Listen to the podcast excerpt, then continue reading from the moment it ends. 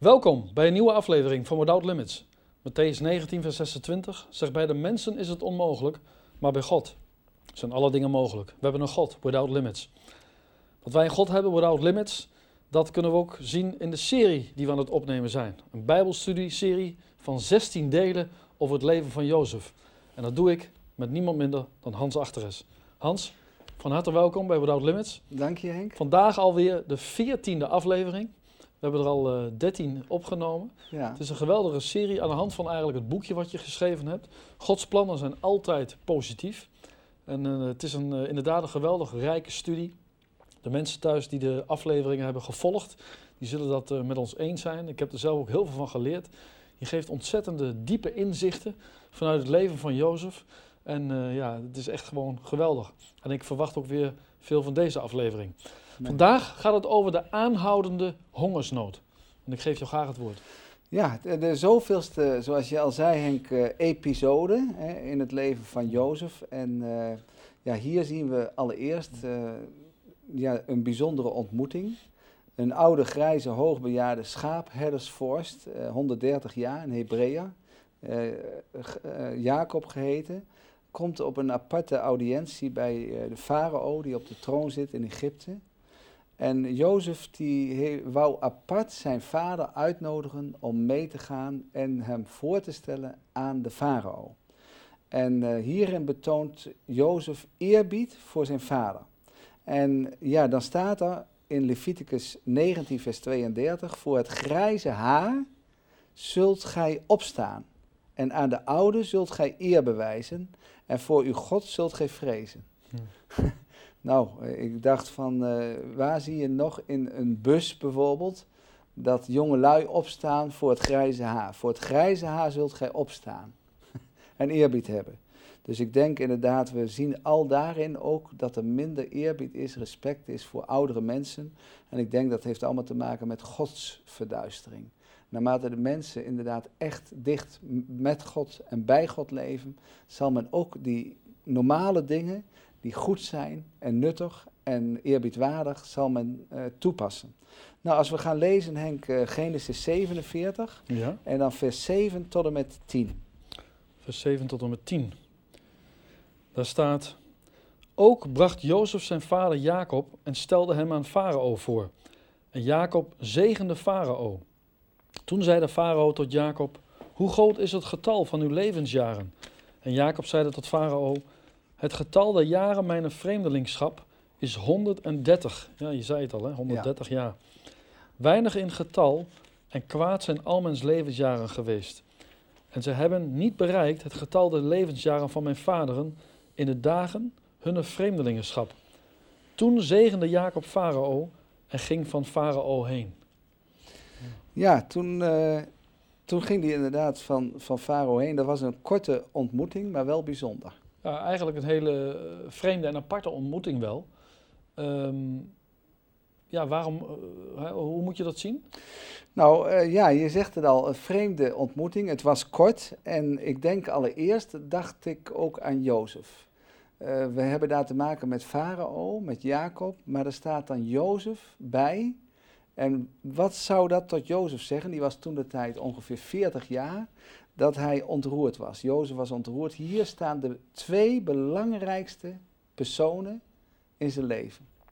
Hm. He, vader Jacob, zijn vader, en Farao, die onvoorstelbaar veel voor hem hebben betekend. De ene heeft een stok, een herderstok, en de ander heeft een staf. De ene is grijs en de andere is uitgedost en was het ook als inderdaad de koning van Egypte. De ene was misschien 50 jaar de farao en zijn vader 130 jaar. En je ziet direct vanaf, uh, op grond van wat we gelezen hebben, dat bij de binnenkomst van Jacob er een gloed van ontzag en autoriteit van Jacob uitgaat. Die over farao heen komt. Jacob gaat niet knielen, hij gaat niet buigen, wat je normaal wel zou doen.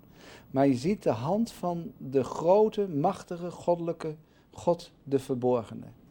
God zei tegen de familie van Jacob: En door u zullen alle geslachten van de aardbodem gezegend worden. En het eerste wat Jacob doet, hij begint direct met een zegen. Ja. Misschien heeft hij de hand al bij binnenkomst op hem gelegd en hem gezegend de, dat de Almachtige u mag zegenen en dank zeggen voor hetgeen wat hij voor zijn zoon heeft gedaan. Dus en wat ontvang je, wat gebeurt er bij zegenen? Dan ontvang je energie en moed van God. He, zoals ik vandaag iemand aan de lijn had waarvan ik voorstelde om haar man, die ernstig ziek was, plotseling echt een open hartoperatie en nu weer op de zaal kwam, heb ik, hem, heb ik haar voorgesteld om die man te zalven met een mede-oudste. En uh, zalven is zalfolie. Dat, je dat er gebeden wordt, dat er gezalfd wordt, ja. opdat wij inderdaad verbonden zijn met de gezalfde. En dat hij kracht en energie en herstel aan die zalving wil doen tot eer en glorie van zijn naam. Jacob is hier meer dan Farao. Er is meer dan macht, meer dan aanzien, geld, genot en werelds genot aanwezig. Want wat is mooier dan ja, de zegen van de Heer. Ja. Maar als we naar die, die, over die zegen nadenken, hè, anderen zegenen. Mensen zeggen zo snel van God zegen je, of ik zegen je. Ja. Hè? Ik zeg het ook vaak. Ja, maar uh, het klinkt zo algemeen en uh, het klinkt een beetje uh, ruim, zeg maar. Ja, ja. Hoe moet je dat zien? Ja, het is ook wel eens de blessings, maar dat ligt eraan hoe de mensen zijn onder elkaar.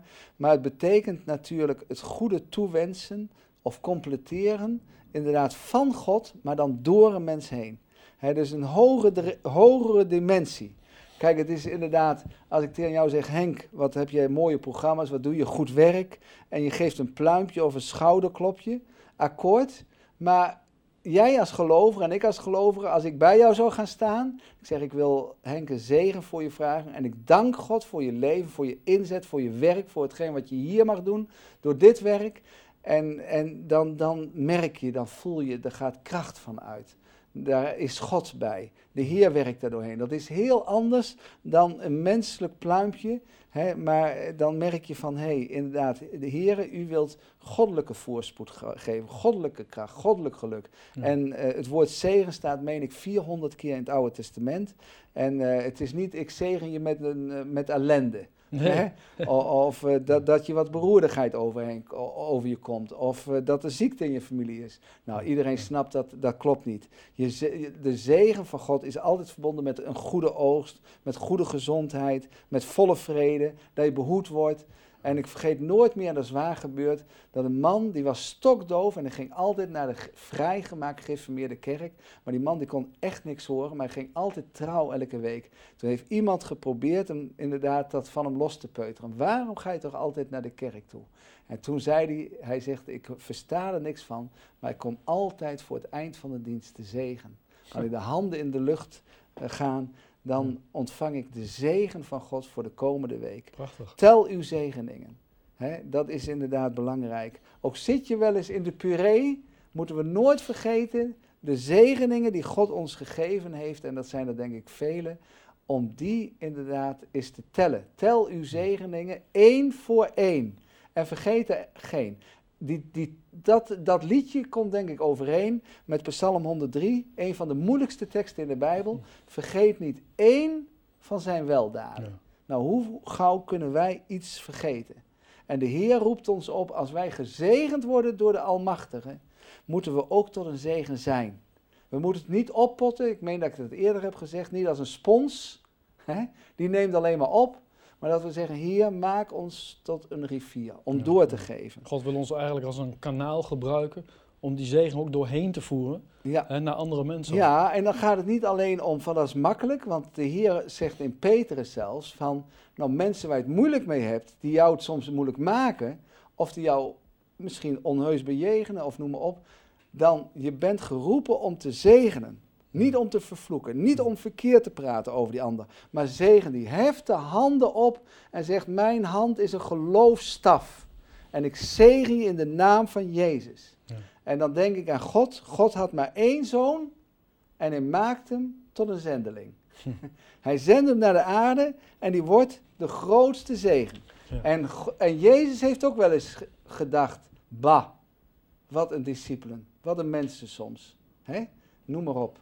Maar, maar hij bleef zegenen, doordat hij verbonden was met God. En hij volbracht zijn taak. Ja, en dan zie je hoe oud Jacob is, is 130 jaar. Maar hij ziet zijn, zijn jaren als dagen. He, zijn jaren waren als dagen. Hij wist, en dat zegt hij ook tegen Farao, van ik ben een vreemdeling hier op aarde. En dat waren mijn voorouders ook, want ik heb een blijvende stad te verwachten.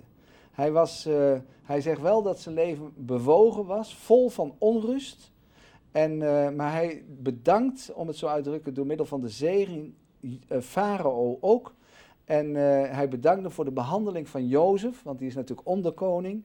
voor de uitnodiging, dat zijn familie gaat wonen in Goosen. En hij neemt na dat korte contact afscheid ook weer zegenend.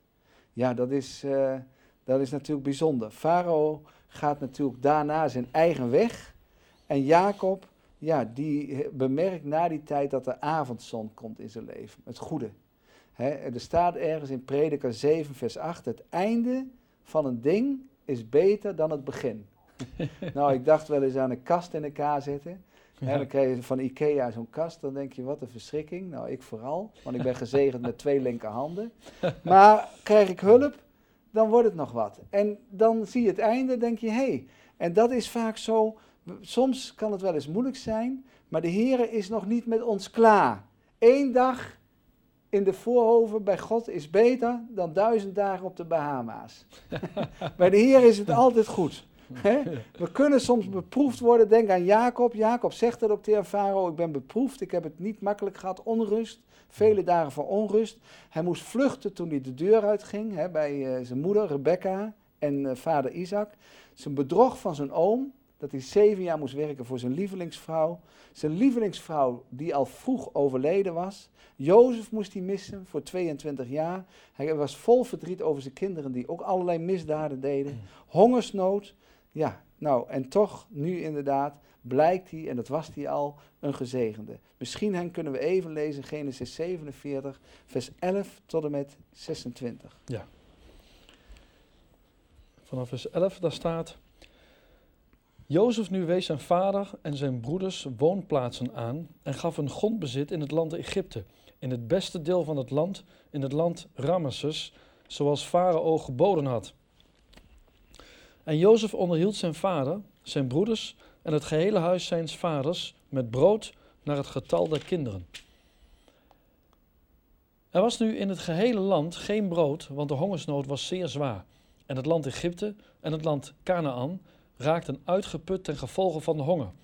En Jozef zamelde al het geld in dat zich in het land Egypte en in het land Canaan bevond, voor het koren dat men kwam kopen en Jozef bracht het geld in Farao's huis.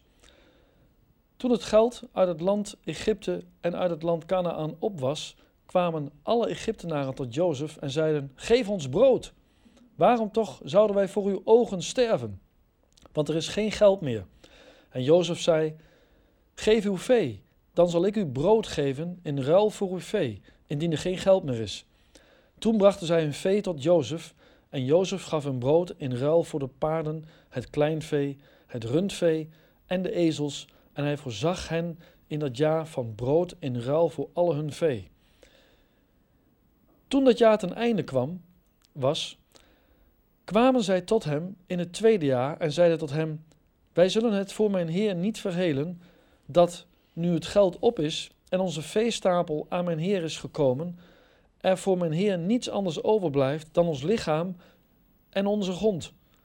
Waarom zouden wij voor uw ogen sterven en zou onze grond verkommeren? Koop ons en onze grond in ruil voor brood, en wij en onze grond zullen Farao dienstbaar zijn. Geef ons dan zaad, opdat wij leven en niet sterven, en opdat de grond niet woest worden. Toen kocht Jozef al de grond der Egyptenaren voor Farao, want de Egyptenaren verkochten ieder zijn akker, omdat de honger hun te sterk werd. Zo kwam het land aan Farao. En wat het volk aangaat, dat maakte hij dienstbaar van het ene einde van het gebied van Egypte tot het andere einde. Alleen de grond der priesters kocht hij niet, want de priesters hadden vaste inkomsten van Farao en zij leefden van een vaste inkomsten die Farao hun gegeven had. Daarom verkochten zij hun grond niet. En Jozef zeide tot het volk: Zie, ik heb heden u en uw grond voor Farao gekocht. Zie, hier is zaad voor u, opdat gij de grond kunt bezaaien. Maar van de opbrengst zult gij een vijfde deel aan Farao geven, en vier delen zullen voor u tot zaad voor de akker en tot voedsel voor u en voor hen die in uw huizen zijn, en tot spijze voor uw kinderen. Toen zeiden zij, Gij hebt ons in het leven behouden. Mogen wij de genegenheid van mijn Heer winnen, dan zullen wij Farao dienstbaar zijn. En Jozef maakte hen tot een inzetting tot op de huidige dag met betrekking tot het grondbezit in Egypte, dat Farao daarvan een vijfde deel zou hebben. Alleen de grond der priesters kwam niet aan Farao. Jozef, dat lezen we, hè? Die is druk en druk en druk en alleen maar werk, werk, werk. Je ziet dat hij eigenlijk alleen maar bezig is. In, eigenlijk in alle afleveringen die we gehad hebben. Ja. Wordt het niet eens tijd voor een vakantie? Ja, heb ik ook aan gedacht. Ik dacht, ja, het is echt wel goed om vakantie eens te houden en is rust. Ja, En eh, ja, ik zou zeggen, dat gun ik hem ook en dat, dat is ook nodig. Eh, ja, als ik het soms wel eens even daar iets verder over praat of denk, dan denk ik wel van, altijd moet je ook opletten voor mensen die te veel met vakantie gaan. hè, want die kunnen ook lui worden. ja. Kijk, eh, de Heer die roept ons op om te werken zolang het nog dag is. Werk zolang het nog dag is, want er komt een nacht waarin niemand werken kan. En dan zal de Heer zeggen, gij goed, goed gedaan of wel gedaan, gij goede ja.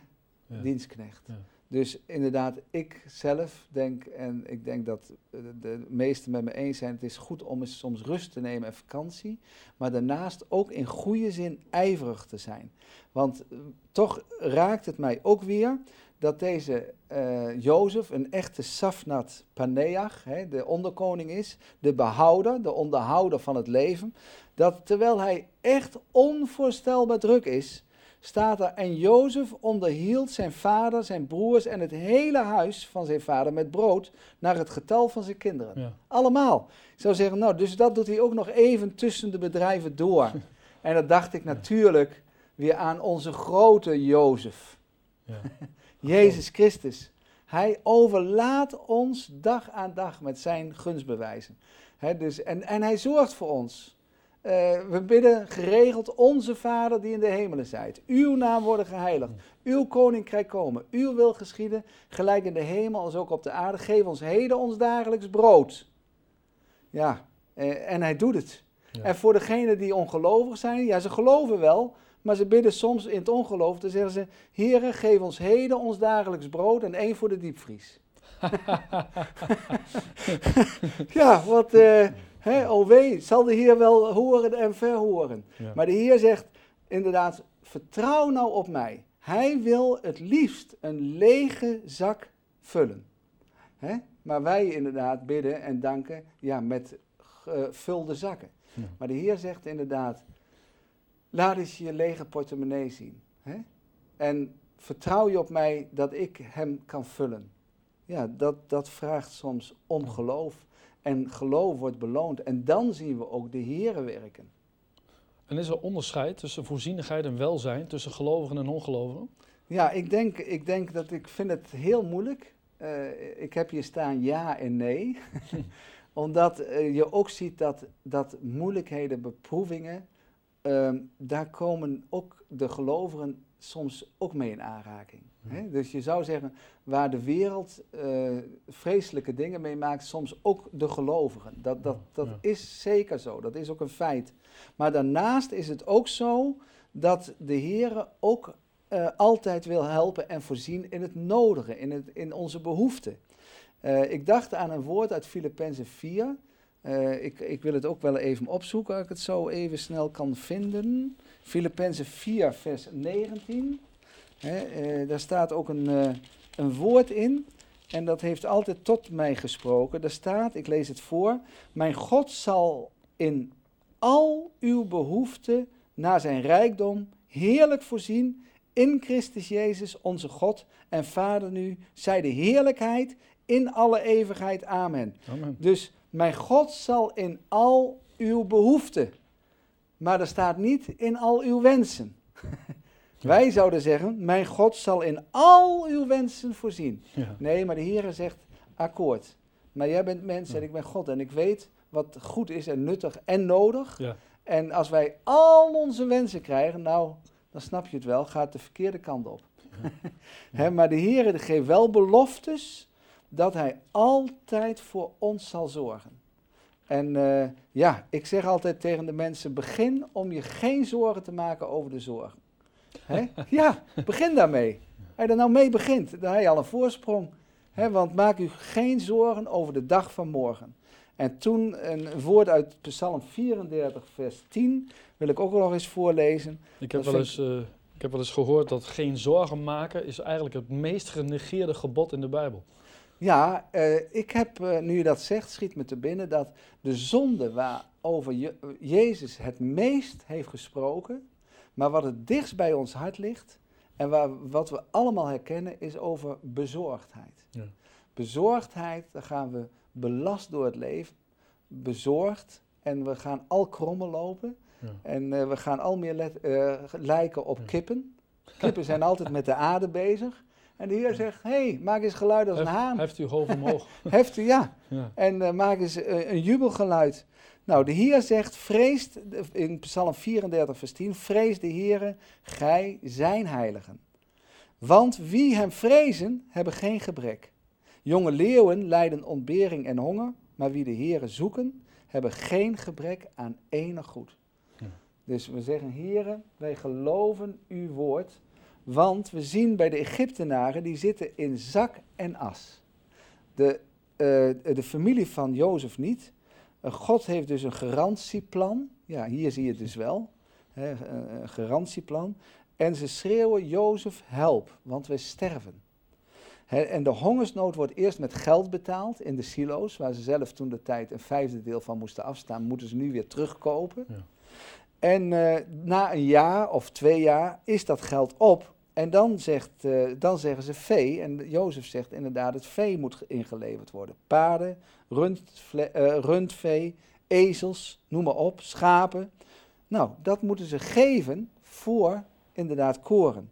Daarna, na een- een jaar of zo, is dat vee ook verdwenen. Het geld is op, het vee is, is op bij hun. En dan willen ze hun lichaam zelfs geven. Ja, dat is natuurlijk te gek, maar grond hebben ze ook nog. Dus inderdaad, Jozef is duidelijk, rigoureus, is streng. En zegt inderdaad, jullie moeten ook jullie grond onteigenen. Want die hongersnood duurt zeven jaar en was onvoorstelbaar sterk.